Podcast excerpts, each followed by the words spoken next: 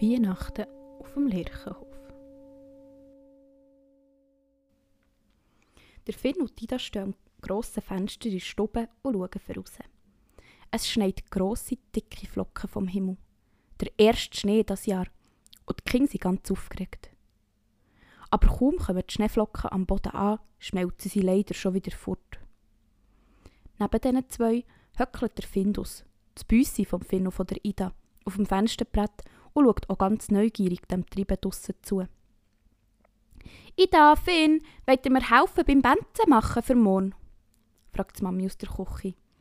Da muss die Mami nicht zweimal fragen. Kurze Zeit später hocken alle drei am Küchentisch und formen mit dem Zöpfenteig Benzen. Benzen mit und ohne Halstuch, einer mit einer Kappe. Der eine bekommt einen Gurt über. An einer Benzenfrau formt der Finn eine schöne Zöpfli-Frisur. Grossvaterbenz bekommt einen Gehstock und ein Benz formt Ida einen Rollstuhl. Schließlich gibt es ja auch bei den Benzen und Benzinnen solche, die einen Rollstuhl brauchen. Wie der Levin, meint Ida.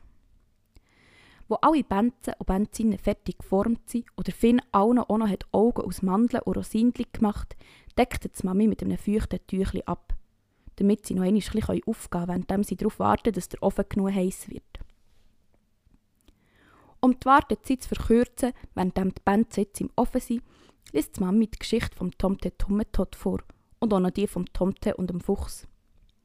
Die drei sind ganz vertieft ins Büchli und merken darum gar nicht, dass die Benzen und die Benzinnen im Ofen eigentlich schon lange fertig gebacken wären und langsam aber sicher immer dunkler und dunkler werden.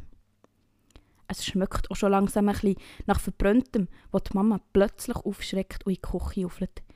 Nein, ich Kuhn, jetzt habe ich doch ganz vergessen, den Wecker zu stellen, damit es hat und ich alles rechtzeitig hat auf dem Ofen genommen. Oder Finn und Dida kommen jetzt in die Küche und schauen auf das Blech mit den schon fast ein verkohlten Benzenmannen und Benzenfrauen.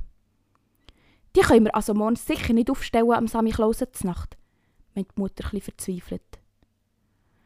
Wir haben uns doch extra fest Mühe gegeben, meint Dida mit etwas trauriger Stimme. Dann können wir morgen gar nicht Samichlausen Nacht machen, fragt der Finn.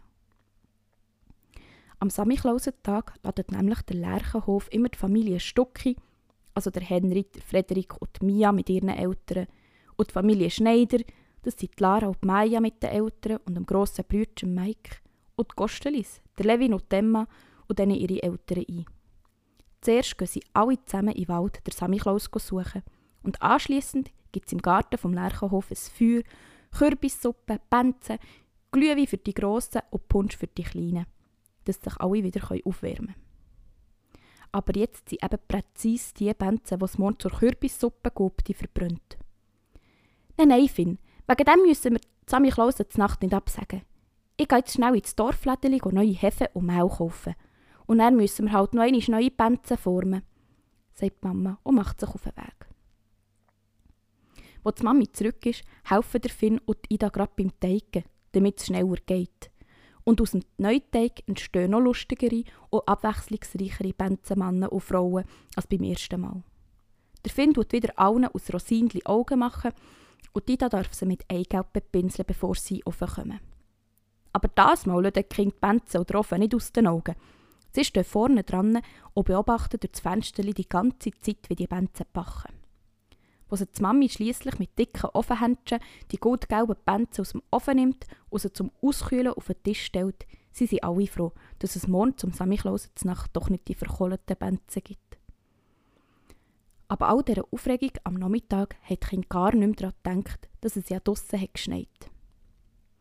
Und als sie jetzt aus dem Fenster ins Dunkle vom Abend raus schauen, sehen sie, dass der Schnee doch noch hat angesetzt und ein weißes Schäumchen überzieht die Felder, die Bäume hostet, der Wald oder der Garten verrissen.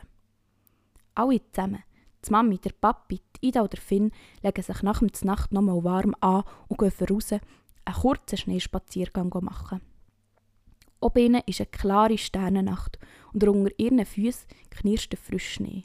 Und der Finn meint, schöner könnte sie es doch gar nicht haben.